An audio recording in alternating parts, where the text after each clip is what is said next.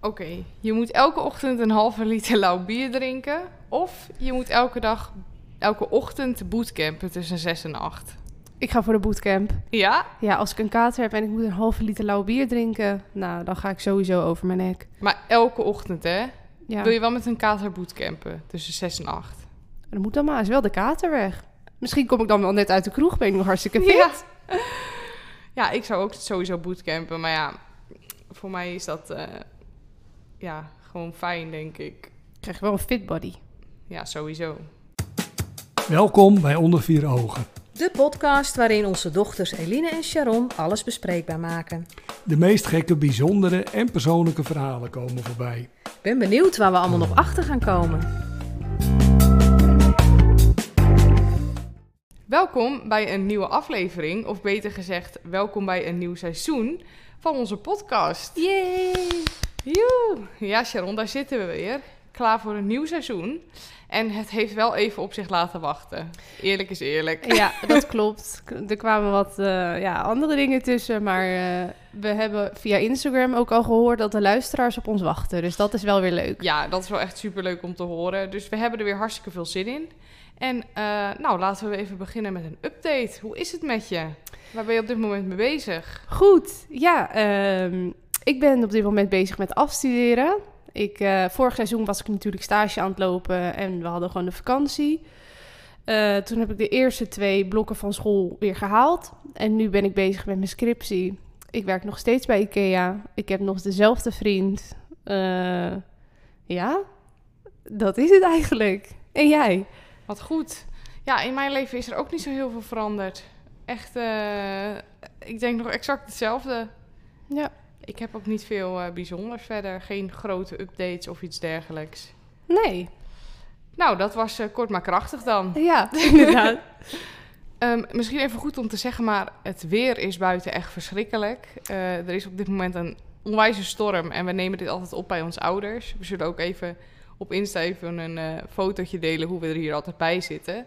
Maar dit is een ontzettend ja, oude boerderij en je hoort die wind gewoon onwijs. Dus ik hoop dat jullie het niet horen in ja, de Younes is lekker bezig. Hoe? Younes? Ze heet toch Younes? Ik dacht het is met een E. Ja, Oh, dat spreek je zo uit. dat dacht ik.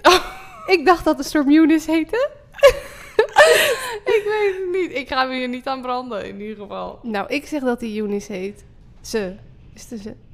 Ja, ik denk wel. Ze. Maar het gaat echt onwijs te keer in ieder geval. De dakpannen zijn, die van al, er zijn al twintig dakpannen van het dak gewaaid. En eh, Ja, alle takken die, eh, die liggen overal en nergens. Dus het is prachtig. ik hoop dat ik het meeste eruit kan editen, maar als het niet lukt, sorry. Ja, precies. Maar dan weten jullie wel waar het door komt. Ja, ehm, ook goed om te zeggen. We gaan het dit seizoen iets anders doen. De afleveringen worden iets korter. Ja. Nou ja, hoe dan? De onderwerpen die we kiezen zijn iets specifieker. En in plaats van dat we beide een mede- en tegenvallen gaan vertellen, eh, doet één iemand dat per week. En dit noemen we ook geen mee- en tegenvaller meer, maar de situatie van de week. En dan gaan we er dus iets vlotter doorheen. En dat maakt de podcast in onze ogen iets hoger van kwaliteit. En dat is dus uiteindelijk wat we willen. Ehm, nou, dan gaan we door naar de situatie van de week, want zo noemen we het. Ja, Eline, wil jij hem aftrappen, seizoen 2? Ja, eh, laat ik het doen. Ehm, dus we doen nu eigenlijk iets ja, wat we hebben meegemaakt in een situatie wat spraakmakend was. Ehm, nou, ik zal jullie deze week verblijden met een toch wel weer erg gênant eh, moment deze week. Ik ben benieuwd. Ehm, het begint misschien een beetje treurig, want vorige week kregen wij te- het verdrietige bericht dat onze opa nog maar een paar dagen te leven had. En eh, nou, nu wilde ik graag nog afscheid nemen. Ook al werd hij al in slaap gehouden, ik hoopte toch dat hij dan voelde dat ik er nog was.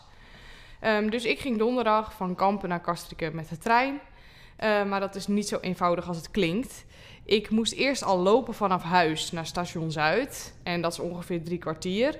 Dan ruim anderhalf uur met de trein. En daarna nog van station Castricum een uur lopen naar het huis van opa en oma. Nou, dus al met al was ik toch drie uur onderweg.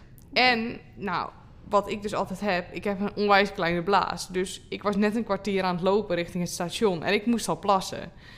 Ik denk, ja, hoe ga ik dit nou doen? Want de trein in de wc vind ik echt verschrikkelijk goor. Dus dat wilde ik niet. Wc in de trein.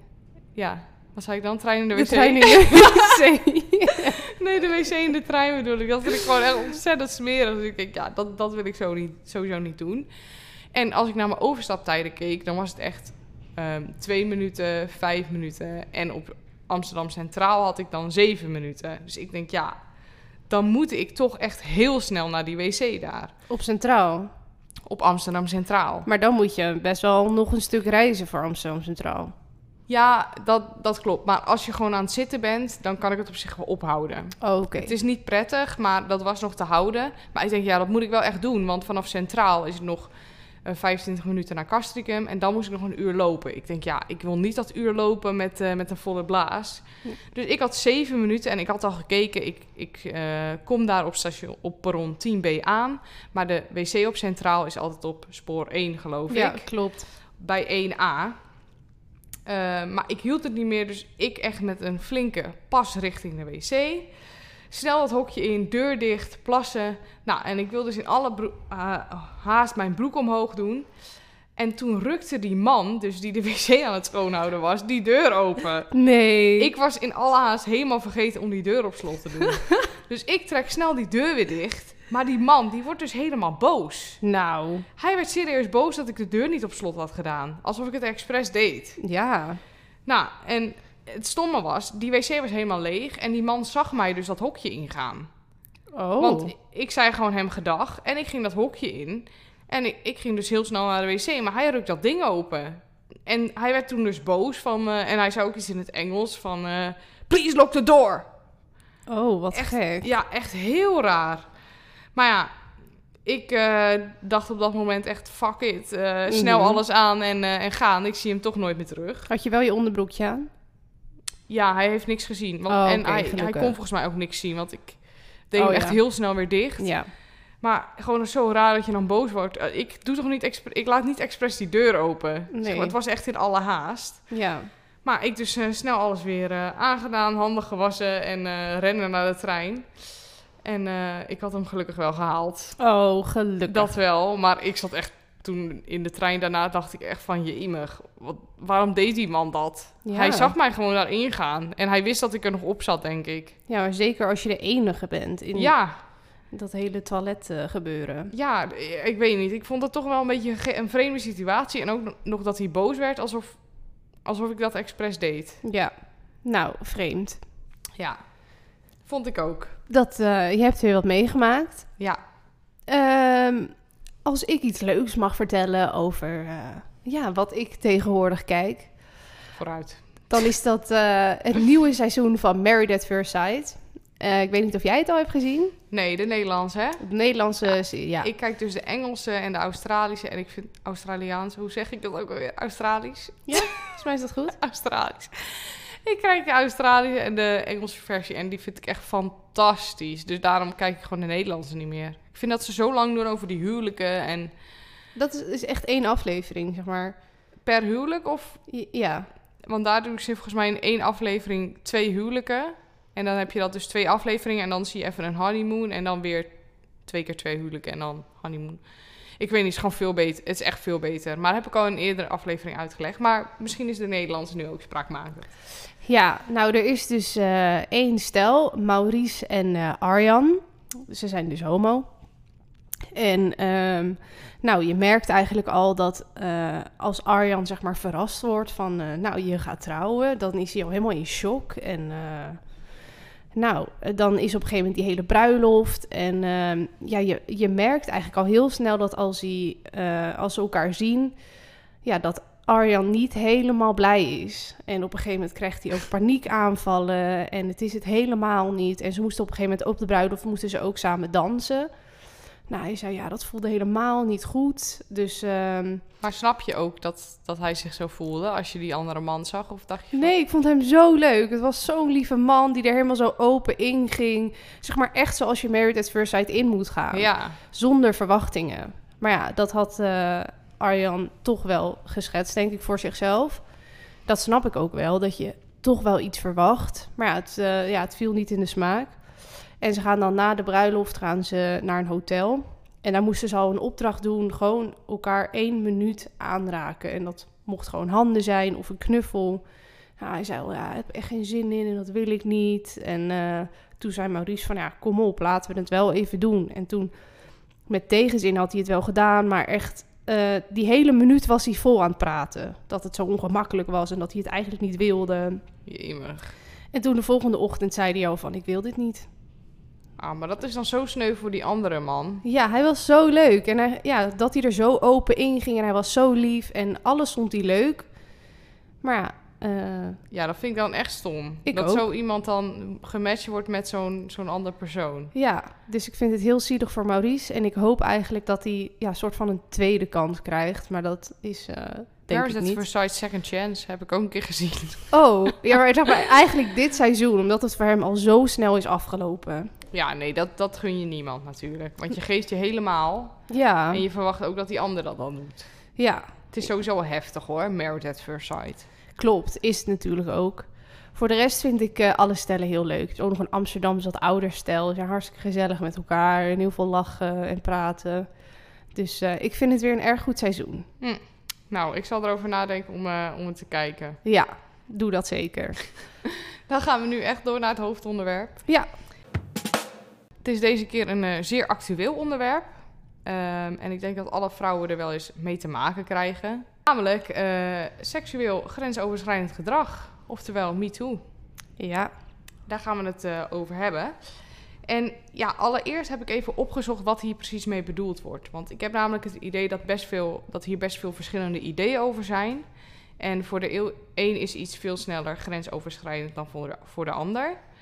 En eh, de definitie die ik eigenlijk heb gevonden is... bij seksueel grensoverschrijdend gedrag gaat het om gedrag of toenadering... die seksueel van aard zijn en de grenzen van het slachtoffer overschrijden.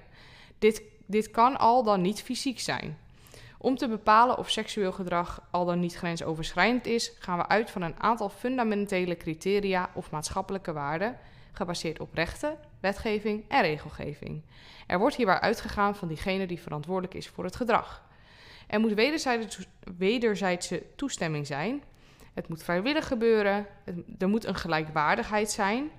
En het moet dus zijn, passend zijn voor de leeftijd of ontwikkeling. En passend bij de context. Bij positief en acceptabel seksueel gedrag eh, wordt aan alle criteria voldaan. Wanneer er aan één of meerdere van de criteria niet wordt voldaan, is er sprake van seksueel overschrijdend gedrag. We spreken van seksueel misbruik voor elke vorm van seksueel grensoverschrijdend gedrag in verbale of fysieke zin. Opzettelijk of onopzettelijk. Waar duidelijk, en dat moet er wel even bij gezegd worden, waar duidelijk geen wederzijdse toestemming voor bestaat. En zeker wanneer het natuurlijk afgedwongen wordt, maar ja, dat is logisch. Is het een beetje duidelijk op deze manier? ja, Het is dus echt, als er gewoon geen wederzijdse toestemming is, dan is het eigenlijk al grensoverschrijdend. Dus als jij als je in je kont geknepen wordt in de kroeg, dat Mhm. is grensoverschrijdend. ja. Ehm, maar daar eh, komen we nog wel op. Ehm, laten we beginnen met eh, de eerste vraag. Heb jij wel eens te maken gehad met grensoverschrijdend gedrag?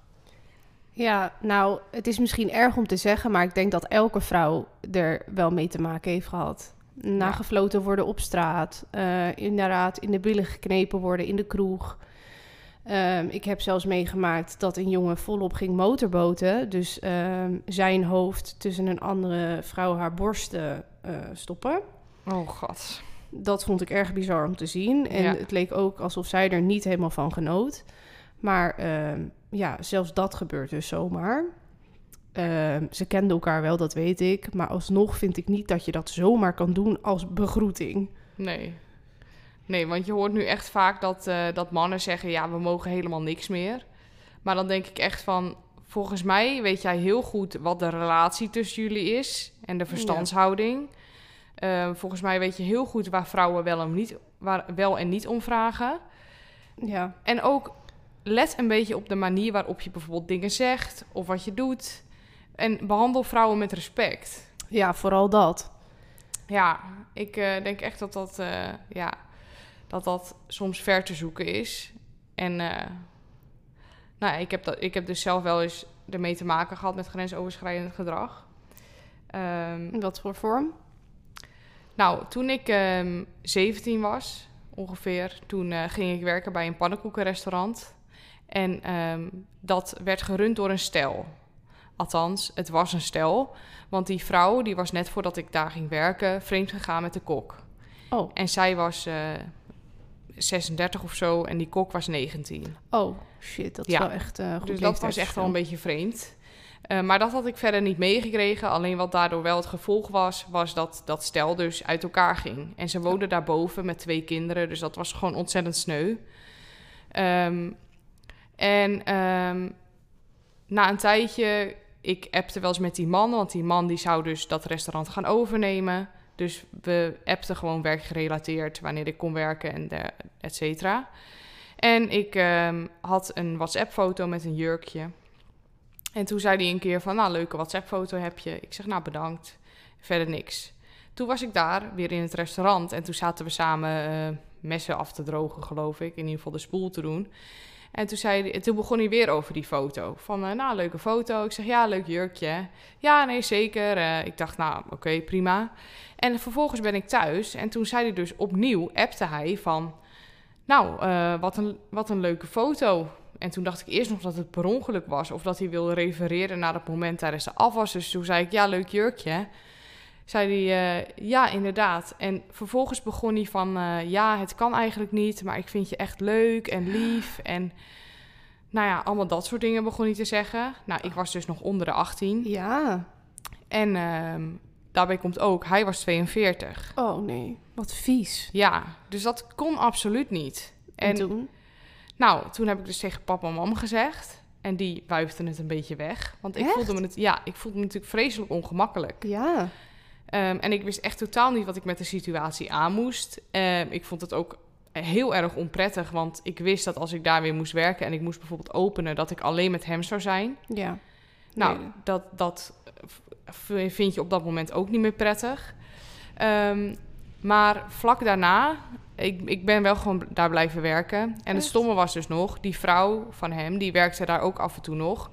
En zij moest echt haar woede afreageren op mij. Echt Ja. al haar shit eh, reageerde ze op mij af. Dus ik wilde daar sowieso al weg. Eh, maar ik ging eh, een week later ongeveer ging ik met een vriendengroep op vakantie naar Joret. En ehm, toen wij terugkwamen, want een andere vriendin van mij werkte daar ook. En wij gingen allebei naar Joret. En wij kwamen terug en toen hoorden wij dus van dat hij dit ook bij iemand anders had gedaan. Wat hij bij Oh, mij had nee. gedaan.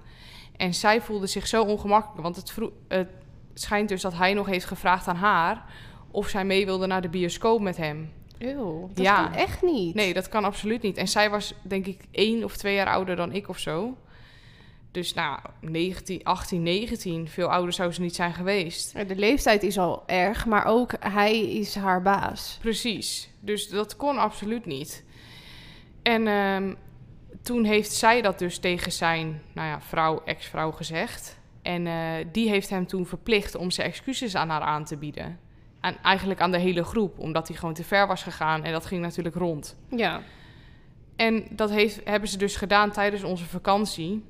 En toen waren wij weer terug van vakantie. En toen ben ik dus wel blijven werken, omdat ik dus hoorde dat het was uitgekomen en dat hij het dus niet meer zou doen. Maar toen heeft hij nooit meer iets tegen mij gezegd. Nooit zijn excuses aangeboden. En vervolgens heb ik hem ontslag ingediend, niet heel veel later. Ik denk echt één of twee weken later. En toen ehm, heb ik wel gezegd van de situatie dat ik me daardoor onprettig voelde. Dat ik hoorde dat hij wel aan anderen zijn excuses had aangeboden, maar niet aan mij. Wel goed Ja. dat je dat hebt gezegd. Dat heb ik gezegd. En ik heb ook gezegd dat ik het gevoel had dat die vrouw dus haar woede afreageerde op mij. Ik heb gewoon alles eerlijk gezegd dat ik me echt totaal niet prettig voelde. Luchtte dat op? Eh, ja, dat luchtte zeker op. En hij zei dat hij. ehm, hij, zei, hij bood echt zijn excuses aan. En dat hij eh, niet in een goede, ja, goede moed was, zeg maar. Wat natuurlijk totaal geen excuus is. Want je moet gewoon totaal niet dat soort dingen tegen je personeel gaan zeggen. Nee. Ehm, maar dat het wel eh, de reden is waarom ik wegging. En dat ik me niet, ge- gewoon niet gewaardeerd voelde en dat soort dingen. Maar ja, dat heb ik wel eens meegemaakt. J- jij hebt toch ook nog een keer iets meegemaakt op je werk? Klopt. Ehm, nou, er is natuurlijk echt overal enorm personeeltekort. Ehm, ook bij ons op het werk. En ehm, toen hadden we dus een uitzendkracht. En Nou ja, zijn werk deed hij al niet echt goed. Eh, hij stond zijn financiën te regelen achter de kassa en eh, te bellen in de koelcel. En ehm, ja, waar ik werk, daar is het gewoon heel smal. En je staat eh, met z'n vieren dan op een rijtje. Ja, soms moet je daar gewoon achterlangs, omdat je of naar achter moet. Of ja, je moet er gewoon even bij. En dat moest hij op een of andere manier heel vaak. Hij moest heel vaak achter mij langs. En elke keer als hij achter mij langs liep, dan was het even, even de handen op mijn heupen of even bij mijn schouders. Of hij moest mij constant aanraken als hij langs me ging. En ja, ik liet merken zeg maar, dat ik dat niet fijn vond. En ik vroeg op een gegeven moment ook van ja, hoezo moet je hier zo vaak langs? En kan je dat minder doen, want het is al druk. Nou ja, en hij bleef het maar doen. En toen op een gegeven moment had ik pauze en ik zat, ehm, ja, ik zat daar te eten. En ja, ik brak gewoon. Ik moest gewoon echt huilen, omdat ik gewoon echt niet wist wat me overkwam. En gelukkig was mijn leidinggevende er ook die dag. En ik heb haar uitgelegd van, hé, hey, uh, ja, dit is er gebeurd en ik voel me er echt niet fijn bij. En uh, nou, die is toen uh, gelijk met hem gaan praten en ook gevraagd van, ja, wat wil jij? En toen zei, die, zei ze van, uh, ja, ik heb hem nu naar huis gestuurd. Uh, want ik wil niet dat jij je onveilig voelt op de werkvloer. En ehm, toen is er later ook nog met mij overleg van, nou, wil je wel dat hij terugkomt als hij bijvoorbeeld zijn excuses aanbiedt. En ja, toen heb ik ja, ook verteld over dat hij dus slecht werkte. En ik zei ook van, ja, ik heb gewoon liever niet meer ja, dat ik hem hoef te zien. Nou, daar waren ze gelukkig uh, akkoord mee. Dus uh, nou, ik heb hem nooit meer gezien. Dat is wel heel netjes van, ja, van uh, IKEA. Ja, ik ben echt heel blij dat mijn leidinggevende het op deze manier op heeft gelost. En nou, daardoor voel ik me ook echt wel fijn en veilig op de werkvloer. Ja, precies. Ja, ik snap ook wel dat je... Je weet gewoon niet wat je overkomt. Nee, en weet je, hij zat niet aan mijn billen of zo... Maar ik kende hem niet. Nee. Ik had hem nog nooit gezien. Ik wist alleen zijn naam. En toen... Hij ja. moet gewoon van je afblijven. Ja, weet je, je hebt natuurlijk wel mensen um, die je wat meer aanraken. Dus mijn leidinggevende vroeg ook van, nou, uh, noemde een collega en die zei, nou, ik weet dat die ook zo is. Wat vind je daar dan van? Vind je dat ook vervelend? En toen zei ik van, nou nee, ik ken diegene en ik weet hoe dat gaat. En dat is misschien een hand op mijn schouder. En weet je, ik kan ook wel mensen aanraken, maar je moet gewoon weten waar je je handen neerzet en bij wie. Je moet diegene gewoon kennen en je moet het een beetje aanvoelen of diegene zich daar fijn bij voelt. Ja, precies. En als iemand dan wel zegt van, joh, ik wil dit niet, dan ja. moet je dat ook respecteren. Zeker. Nou ja, um, hopelijk uh, overkomt ons dit niet, uh, niet vaker. Nee, ja, ik ben benieuwd, zeg maar, als de club straks weer open gaan, um, of het dan minder wordt. Of dat, dat het eigenlijk weinig zin heeft. Dat er hier zoveel aandacht aan wordt besteed. Ja, ik denk dus echt in uitgaansgelegenheden dat het nog best wel lang blijft zoals het is. Ik denk het ook. Mensen, ja, mannen dan, die uh, ja, hebben dan een borrel op. Ook al vrouwen kunnen het natuurlijk ook doen, hè. Maar uh, er wordt natuurlijk ja. meer gesproken over mannen. Ja, want wat vind je eigenlijk van alles wat nu gaande is rondom uh, grensoverschrijdend gedrag? Wat je allemaal hoort in de media. Ja, er komt natuurlijk nu steeds meer naar buiten. En ja, um, ja wel, uh, het zijn wel vaak mannen met een, uh, met een hoge functie ergens. Ja, het is nu natuurlijk de mediawereld wat echt aan het licht komt. En de directeur van Ajax. Ja, inderdaad, de voetbalwereld ook. Ja. Dus um, ja, ik vind het wel goed dat mensen nu um, zich uit durven te spreken en ja, het naar buiten durven te brengen. Maar ik vind het gewoon zo triest dat mensen dus blijkbaar zo uh, misbruik maken van hun macht en denken dat ze dit kunnen doen en er zo mee weg te komen. Ja, helemaal mee eens. En ik vind het ook gewoon belachelijk dat mannen denken dat ze zulke dingen kunnen doen. Ja. En ik ben zo blij dat het gewoon uitkomt. Ik ben echt zo blij. Ik ook, en terecht. En, dat, en je merkt ook gewoon dat ze er eigenlijk niks tegen kunnen doen. En uh, dat ze gewoon hun werk moeten neerleggen. Want ja. terwijl ze dat doen, ze weten dus gewoon 100% zeker dat, dat ze fout zijn. Precies. En sommigen geven het ook gelijk eerlijk toe. Hè? Die zeggen gewoon van ja, ik heb inderdaad grenzen overschreden. En ik uh, leg mijn werk neer. Maar ik vind het wel triest dat dat ja, te laat gebeurt. Vind ik ook. Sowieso. En dat pas als dus uh, ja, die meiden, vrouwen hun mond open trekken, ja, dat ze dan pas er wat mee doen. Ja, dat is het ook. Maar ja, blijkbaar is zoiets nodig. Ja. En kijk, wat ik nu gewoon hoop is dat um, vrouwen dus het nu meer gaan aangeven. Mannen zien de consequenties, maar degene waar het nog niet bij is, naar buiten is gekomen bijvoorbeeld, zien nu ook de consequenties. Ja. En ik hoop dat het een beetje het effect is dat zij zich dus nu wel even gedijst houden en weten van, joh, in wat voor positie ik ook zit, ik kan dat soort dingen niet flikken. Ja, ik hoop het ook. Maar ja, als je dan bijvoorbeeld eh, op Facebook reacties leest en daar reageren dan mensen weer op van ja, ja, nu komen mensen naar buiten. Als het gebeurt, zeg het gewoon. Ja, dat is makkelijk praten. Hebben dan zo geen inlevingsvermogen? Nee, klopt. Het, het- je kan het niet zomaar zeggen als zoiets is gebeurd, want je bent in shock, je schaamt je waarschijnlijk. Klopt. Je denkt altijd van, oh, heb ik, heb ik foute signalen Ja. gegeven? Dat is echt het eerste wat je denkt. Je gaat bij jezelf zoeken. Ja. Dus- Ja, je denkt ook, ik heb, ik heb geen nee gezegd. Ja. Dat, ja, het is aan zoveel kanten heb je eigenlijk dat je denkt, ja, ligt het wel aan hem of lag het gewoon aan mezelf?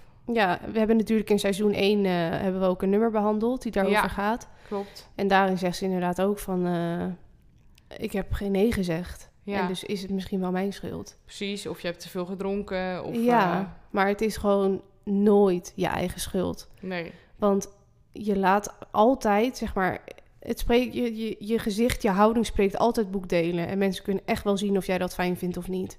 Ja, maar sowieso, als, als een meid dronken is, dan maak je daar geen misbruik van. Nee, dat klopt. Ik vind dat zo fucking erg. Ja. Dat mensen dan zeggen, ja, had je maar niet zo dronken moeten worden. Ja. Nee, die vent had gewoon zijn tengels thuis moeten laten. Ja, iemand mag gewoon nooit aan je komen. En Nee. als, als jij niet meer helder bent, om wat voor reden dan ook, eh, alcohol, drugs, weet ik veel. Blijf gewoon van iemand af, want iemand kan niet meer goed nadenken. Precies. En dan zijn er dus gewoon mannen die zeggen van... ja, maar als vrouw weet je dat. Ja. Als vrouw weet je dat, dat er dan misbruik van je wordt gemaakt... dus je moet niet zoveel drinken. En dan zeggen ze er vaak nog bij... ja, ik zou het zelf niet doen hoor... maar er zijn er genoeg die het wel doen. En dat weet je. Nou, ik heb een keer zo'n discussie gevoerd. Ik werd echt lijp gewoon. Holy shit, ik zou zo boos worden. Ja, maar het stomme is... kon ook gewoon niet tot hem doordringen. Nou, die- En hij zegt, ja, ik weet wel dat je gelijk hebt... maar er zijn gewoon mannen zo. Dus je moet gewoon opletten. nou, Oh, en ze zeggen natuurlijk nu ook van, eh, ja, je, je moet je, je, je dochters beschermen.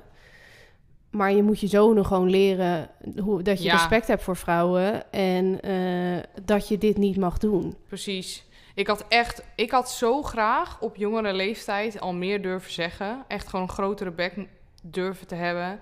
En gewoon als mij iets zou overkomen. Zeg maar, ik had, ben ook een beetje met het idee opgevoed dat ik altijd aardig gevonden moet worden of zo. En dat ik wil dat, dat eh, iedereen mij aardig vindt. Terwijl als een man mij gewoon respectloos benadert, mag Mhm. ik gewoon zeggen van joh, rot op, even grof gezegd. Ja. Ik, ehm, zeg maar, toen ik... eh, ik zat in de brugklas en toen ging ik een beetje voor het eerst zoenen en zo. Ehm, en ik had net voor het eerst gezoend. En nou, die jongen wilde al friemelen, zeg maar. Ja. Naar honk 2. En eh, ja, ik gaf aan van, eh, dit wil ik eigenlijk nog niet. En toen zei hij, ja, maar je houdt toch van me? Ik zeg ja. En toen zei hij, als je van me houdt, dan doe je dit. En toen... Oh. ja, ik heb dat laten gebeuren. Ja. Maar eh, als ik daar achteraf over nadenk, ik ben zo boos op hem geworden ook nog. En, eh, maar ja, dat is allemaal achteraf. En ik heb het toen laten gebeuren. En ik weet nog, we keken tv op dat moment. En toen ehm, was er een reclame bezig, zeg maar, dat hij dat deed. Want het duurde niet lang. Maar telkens als ik die reclame weer opnieuw op tv Oh. zag, dacht ik alleen maar nee, nee, nee, laat dit stoppen, laat dit stoppen. Want ik Je kon dacht- alleen maar aan dat moment denken en ik vond het zo naar. En Oh. ehm, ja, ik ben, ik ben blij ja, zeg maar, dat het daarbij is gebleven en dat we nog zo jong waren en dat ik niet verder ben gegaan. ja. Maar hij wilde dat ook wel echt heel graag en hij was heel geïnteresseerd in seks en dat soort dingen. En ook gelijk dat het uit was, eh, heeft hij in het tussenuur eh, seks gehad met een random meisje. Gewoon omdat hij dat zo graag wilde. En ik ben zo blij dat ik dat niet aan hem heb gegeven. ja, precies. En eh, ja, dat dat het enige is waar het bij is gebleven. Maar ja, het, het is Ja. alsnog geen fijne ervaring. Nee, the fuck. Ja, heel, eh, heel naar is dat. Ja. Maar hoe eh, ben je er nu onder? Goed, ja, ik eh, zeg maar al mijn ervaringen daarna zijn gewoon altijd goed geweest. Ja. En mannen zijn gewoon heel respectvol met me omgegaan. En dat heeft alles wel goed gemaakt. Maar natuurlijk die eerste volgende stap, zeg maar, dat je, dat je weer op dat punt komt. Dan merk je wel even dat het moeilijk is. Maar als een jongen dan vraagt van wil je dit en is het oké, dan, ja, dan is dat gewoon zo fijn. Ja. Ja, dat snap ik. Maar toen, ja, toen ik jonger was, vond ik het wel nog echt moeilijk, zeg maar, nadat het gebeurd was. Ja, tuurlijk. Ja. Ja. je weet ook niet beter. Dan denk je, oh, ik wil dat helemaal niet. Of het voelt helemaal niet comfortabel. Ja, En Maar- dat heb je dan echt voor hem gedaan. ja vooral omdat hij zei, ja, maar je houdt toch van me, Ja. dan doe je dit. Ja, Maar nee, je doet het omdat je het samen wilt. Precies. Niet omdat één iemand het wil. Nee, inderdaad. Ugh, ik krijg helemaal kippenvel. Vind je dat... eh, hebben mannen volgens jou ook wel eens last van dit gedrag? Zeg maar, kan een vrouw ook grensoverschrijdend gedrag tonen? Ja, ik geloof het wel. Ik geloof ook dat, eh, ja, dat, dat vrouwen misschien eh, mannen aanraken op verkeerde plekken of opmerkingen maken. Of... Ja, mannen moeten natuurlijk altijd, worden altijd een beetje als, als stoer neergezet en groot. En jij bent het mannetje, zeg maar. Maar ik geloof echt wel dat vrouwen ook op, eh, ja, zeg maar qua intimiteit ook verkeerde dingen kunnen doen. En Nou, ik vind wel echt dat het heel ver uit elkaar ligt. Als je bijvoorbeeld kijkt naar een Temptation Island... Die meiden, die gaan gewoon ongevraagd op die mannen hun schoot zitten. En dan moeten ze haar maar wegduwen. Nou, als die mannen dat bij die vrouwen zouden doen... dan zou het internet losgaan. ja, klopt. Hetzelfde als wat, ze, wat, wat vrouwen kunnen zeggen over mannen en andersom. Ja. Bijvoorbeeld bij Lang Leven de Liefde. Ja. Ik kijk echt elke da- dag dat programma. Die vrouw zegt gewoon van... sorry, maar ik vind je echt te dik. Ze hebben het over hoe groot iemands piemel is. Ja, dat kan echt niet. Joh, allemaal dat soort dingen. Als zou, als zou je zeg maar een compilatie maken van al die fragmenten... wat vrouwen zeggen over mannen... en dan even bedenken dat het omgedraaid zou worden... dus dat mannen dat zouden zeggen over vrouwen... nou, dan zouden ze helemaal afgebrand worden. Dan zou het programma niet meer bestaan, denk ja, ik. klopt. Klopt. Dus het ligt zo ontzettend veel uit elkaar... Ja. En mannen moeten echt overal op letten. Ik, ik heb echt wel een, eh, een situatie. Ehm, kijk, ik vind gewoon... Je weet echt wel hoe je iets bedoelt of hoe je iets zegt. En ik denk ook dat mannen best wel de situatie goed kunnen inschatten. En ik denk vrouwen ook hoor. Ja. En de manier waarop je wat zegt heeft natuurlijk invloed. En ik had bijvoorbeeld laatst een, nieuwe, een nieuw jasje aan na mijn werk. En eh, mijn teamleider zei van, eh, heb je een nieuw jasje? Ik zei, ja, ja, klopt. Nou, wat leuk, zegt hij toen. Nou, dat is natuurlijk gewoon een, een hartstikke leuk, prima compliment. Ja. Dat, dat waardeerde ik ook. Dat zegt hij gewoon netjes. Maar stel hij had de woorden gebruikt... Goh, wat ben je een ontzettend lekker ding in dat jasje. Die heb je zeker nieuw. Weet Ja. je, dat is natuurlijk heel anders. Dus Ja. de manier waarop dingen gezegd worden... heeft gewoon invloed op hoe iemand het ervaart. Ja. En ehm, ik eh, ben ook coördinator en daarom voer ik ook eh, sollicitatiegesprekken. En ik heb laatst drie nieuwe meiden aangenomen bij de receptie. Maar ik ging op vakantie en het tweede gesprek moest nog gevoerd worden met twee meiden. Dus ik had een overdracht gedaan en ik vroeg aan mijn teamleider of hij dan de tweede gesprekken wilde voeren. Dat is eigenlijk alleen het contract tekenen en gewoon de praktische zaken. Waaronder dus het uitgeven van werkkleding. Dus ik wilde vragen of hij wilde vragen aan die vrouwen wat hun kledingmaat was. Zodat ik de kleding voor hun kan klaarleggen. Ja. Totaal nergens over nagedacht. En ik kwam terug van vakantie en ze zeiden: Ja, je moet nog wel even de kledingmaat vragen. Ik zeg: Oh, hebben jullie dat niet gedaan? Zeiden, nou, mijn werkgever was er ook bij en mijn teamleider. Nee, eh, dat hebben wij niet gedaan, want dat doen we niet als man zijnde alleen met een vrouw in een ruimte en dan naar hun kledingmaat vragen. Zeg Ja. maar, ze zijn er echt heel bewust van, van wat ze zeggen en wat niet. Nou, vind ik wel heel goed. Vind ik ook supergoed, maar zeg maar, ik dacht wel in mezelf, oh, dat gaat best wel ver. Andersom zou je het wel doen. Andersom zou ik gewoon kunnen vragen aan die man, wat is je maat? Ja. Totaal geen bijbedoelingen. Ja. Maar zij willen gewoon voorkomen dat die vrouw zich ongemakkelijk voelt bijvoorbeeld. En dat ze gewoon iets aan hun broek krijgen van, joh, je hebt eh, gevraagd naar die kledingmaat. Ja, dat is onbeschoft. Want weet je, als je als man zo'n zoiets, krijgt, zoiets naar je hoofd krijgt... of er wordt een melding gemaakt van grensoverschrijdend gedrag... je bent, je bent sowieso de sjaak. Ja. Ja, mee eens.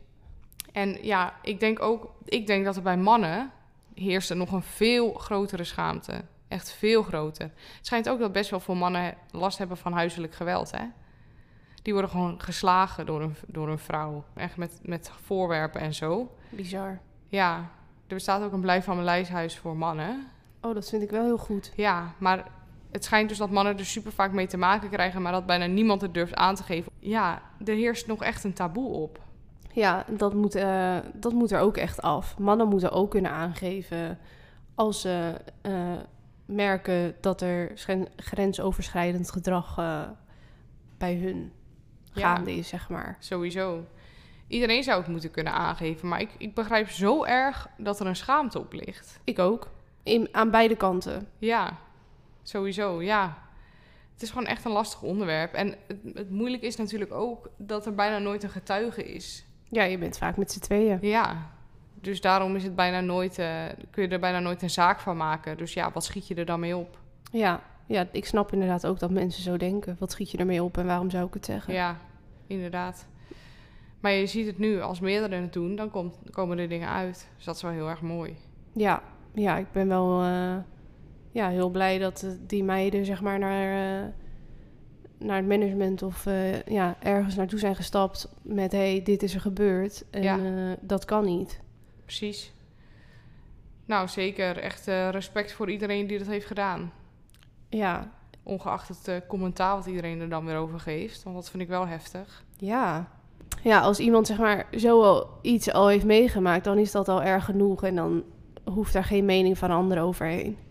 Nee, vind ik dus ook. Kijk, het is gewoon... Je, als je een vervelende seksuele of grensoverschrijdende ervaring hebt meegemaakt... dan draag je dat gewoon voor altijd bij je. Ja. Dat is gewoon zo. Dus ja, en daar praat je gewoon vaak ook liever niet over. Nee, maar daarom als jongens dus al vragen, mannen, eh, is dit oké? Vind je dit fijn? Ja. Dat waardeer ik zo erg. Echt, dat is gewoon zo fijn als ze dat doen. Dan, dan voel je je ook gewoon oké en dan ook gehoord. Precies. Ja, dat is het echt hoor. Want ehm, soms dan heb je gewoon... Ik heb ook wel eens meegemaakt... dat ik gewoon eh, met een jongen eh, was. En we waren wel een beetje aan het daten. Maar ik wilde nog niks. En hij ging de hele tijd dingen proberen bij me. Dat ik de hele tijd moest zeggen van... nee, ik wil dit niet, ik wil dit niet. En hij had gewoon geen respect daarvoor. Nee, En toen wilde ik daarna ook gewoon niet meer afspreken. nou heel goed. En toen, dat vond hij toen heel raar. Ja, nou dat kan Hij snapte niet. dat niet. Nee, Maar ja, in ieder geval heb je te maken gehad met grensoverschrijdend gedrag. Praat er dan over met iemand uit je omgeving. Je hoeft het niet gelijk ergens aan te geven, maar dat je het in ieder geval kwijt kan. Zou mijn advies zijn, als je er zelf klaar voor bent. En eh, weet dat het nooit aan jouw gedrag heeft gelegen, dat het heeft plaatsgevonden. klopt. En ook als iemand naar jou toe komt eh, om dit te vertellen, ja, wees dan gewoon een luisterend oor en wees er voor diegene. Ook al, ja, misschien heb je wel een andere mening, maar die boeit dan op dat moment gewoon niet.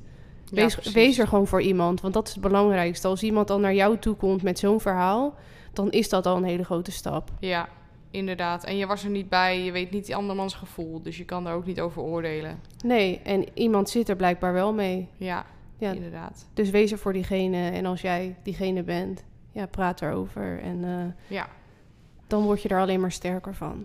Precies. Nou, een, eh, gelijk een heftig onderwerp voor de, voor de eerste aflevering. Maar ik denk wel een hele goeie.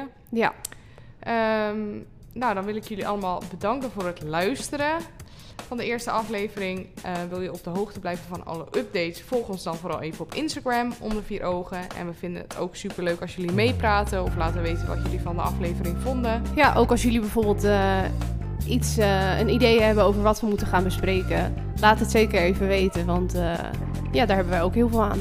Bedankt voor het luisteren. Bedankt. En dan zien we jullie eh, volgende week.